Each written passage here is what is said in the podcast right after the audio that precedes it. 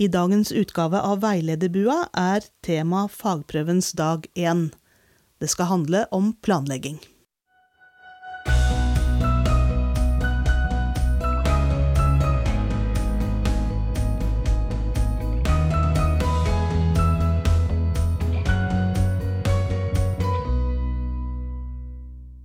I studio i dag sitter Arja Keshvari, som er med i prøvenemnd, leder av Trosterudklubben og sitter i yrkesutvalget. Og meg, Hanne Enger Jensen.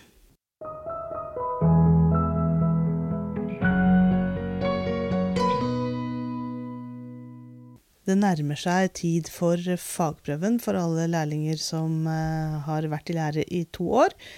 Noen av dere som hører på Veilederbua, har aldri hatt en lærling oppe til fagprøve før, mens andre har hatt mange.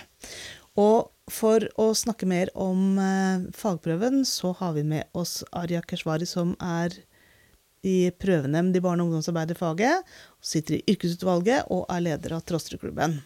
Og kjenner både faget og prøvene godt. Og mange har kanskje aldri sett eh, eller vært med på en fagprøve før. Hva skjer egentlig på dag én av fagprøven, Arja? På dag én av fagprøven så kommer prøvenemnda til lærestedet og hilser på kandidaten. Med seg så har de da noen papirer. Det er bl.a. fagprøven, men også noen skjemaer som skal signeres. Det ene skjemaet er bl.a. Eh, tilsynsperson som skal signere på at eh, kandidaten har det den trenger av sitteplass, få jobbet i fred og ro, har internett og PC og det som er nødvendig for å få gjennomført fagprøven. Hvem er det som pleier å være tilsynspersoner? Har du noe inntrykk av det? Det kan i praksis være hvem som helst. En som jobber på prøvestedet, og som kan stå inne for at kandidaten får de hjelpemidlene den trenger. Det kan både være sjefen, veileder eller en annen kollega. Og så er det en del som spør altså, er det bare en standard prøve, eller vet du noe om stedet fra før? Eh, det kan jo være spesielle forhold, kanskje er det barn med spesielle behov. Vet dere sånne ting før dere lager prøven? Vi ønsker eh, absolutt å vite mest mulig om prøvestedet på forhånd. og Derfor så får kandidaten tilsendt eh, et skjema sammen med innkallingen på e-post, som er da i hvert fall en måned før kandidaten skal gå opp til prøven. Og i det skjemaet så bør vi om å få tilbakemelding på en del uh, ting. Det kan være f.eks. informasjon om uh, barnegruppa, om det er noen barn med spesielle behov, om det er noen aktiviteter som er å foretrekke eller ikke er mulig å få til, hvis det f.eks. mangler et kjøkken eller sånne ting. Hva slags oppgave kan det være, da? Jeg kan jo si litt mer om disse dokumentene vi har med oss med. I blekka til selve fagprøven så er det da to vedlegg. Første vedlegget er da selve oppgavene. Det er fire oppgaver. Og andre vedlegget det er vurderingskriteriene, og det er eh, hva prøvenemnda ser etter gjennom de ulike delene av prøven. Og disse fire oppgavene de er det ingen som veit hva er på forhånd, for det lager den enkelte prøvenemnd eh, kanskje dagen før eller noen dager i forkant. Men eh, oppgave én er som regel en dagsplan for dag to. Oppgave to er å bruke planleggingsskjema og planlegge en aktivitet som skal gjennomføres på dag to. Oppgave tre er en ren teoretisk oppgave hvor man får en problemstilling eller et kompetansemål man skal skrive om.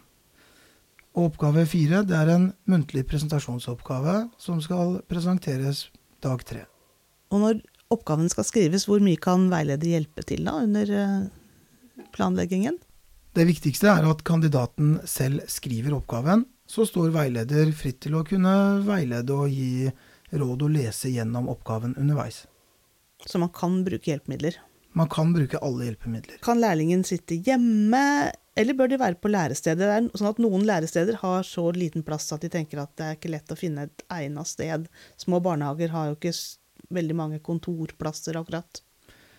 Det er en eh, forutsetning at en godkjent lærebedrift klarer å legge til rette for at fagprøven skal kunne gjennomføres på prøvestedet, sånn at uh, lærestedet plikter å ha et rom uh, tilgjengelig for kandidaten, som kan sitte og jobbe uforstyrret.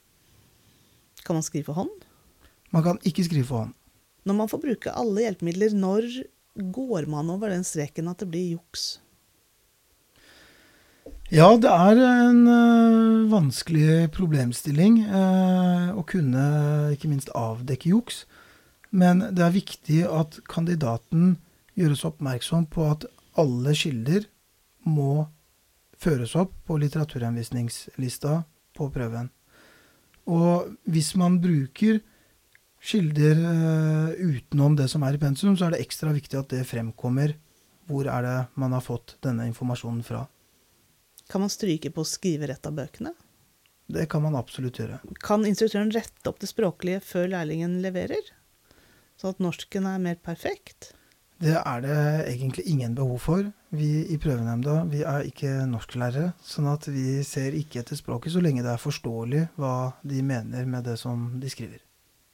Kan lærlingen bruke noe de har skrevet før, da? Det kan de absolutt gjøre. Da er det igjen viktig å påpeke at de tar det med i litteraturhenvisningen.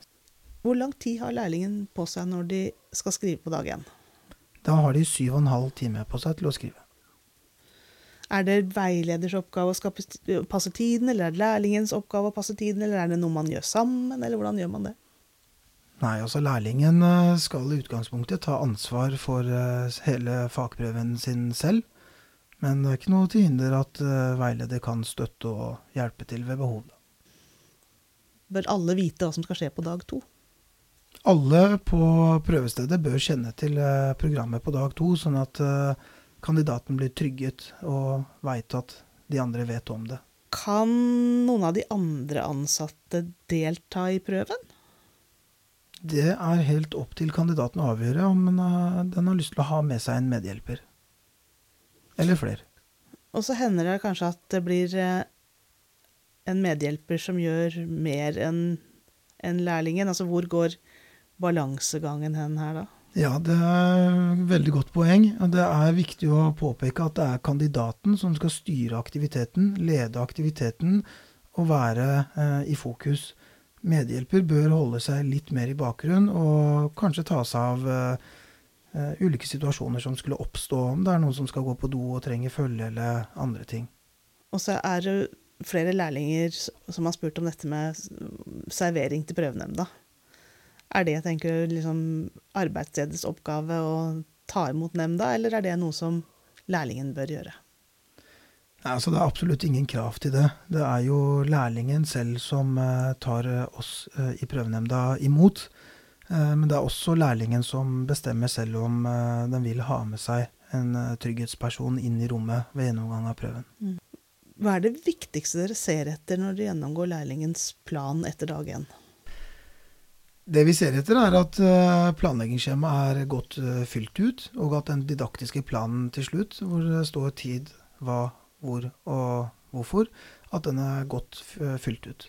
Så hele planleggingsskjemaet må være brukt? Man kan ikke velge hva, hvordan, hvorfor, eller den delen som handler om mål og tiltak og begrunnelse? Nei, hele må fylles ut ganske detaljert, og jo mer, jo bedre. Hvor mye teori bør det være? Nei, altså det er ikke noe krav til noe uh, lengde her. Men det er viktig at det kommer gode faglige forklaringer og begrunnelser for de valgene man tar. Og ja, altså alt er jo viktig på planleggingsskjema, men jeg tenker at uh, målet med selve aktiviteten, uh, målgruppen og aktiviteten, de faglige begrunnelsene man kommer for de tre, der bør det være en rød tråd gjennom. Det er jo sånn, Ari, at det er eh, lærlingen som tar prøven. Men jeg veit at veilederen pleier å være like nervøs for at det skal gå bra. Har du et godt råd til veilederen på dag én? Stol på at du har forberedt kandidaten din godt nok. La den få gjennomføre.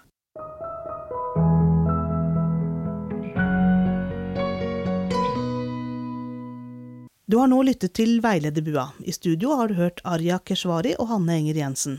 Dersom du har spørsmål eller innspill til tema vi kan ta opp, ta kontakt.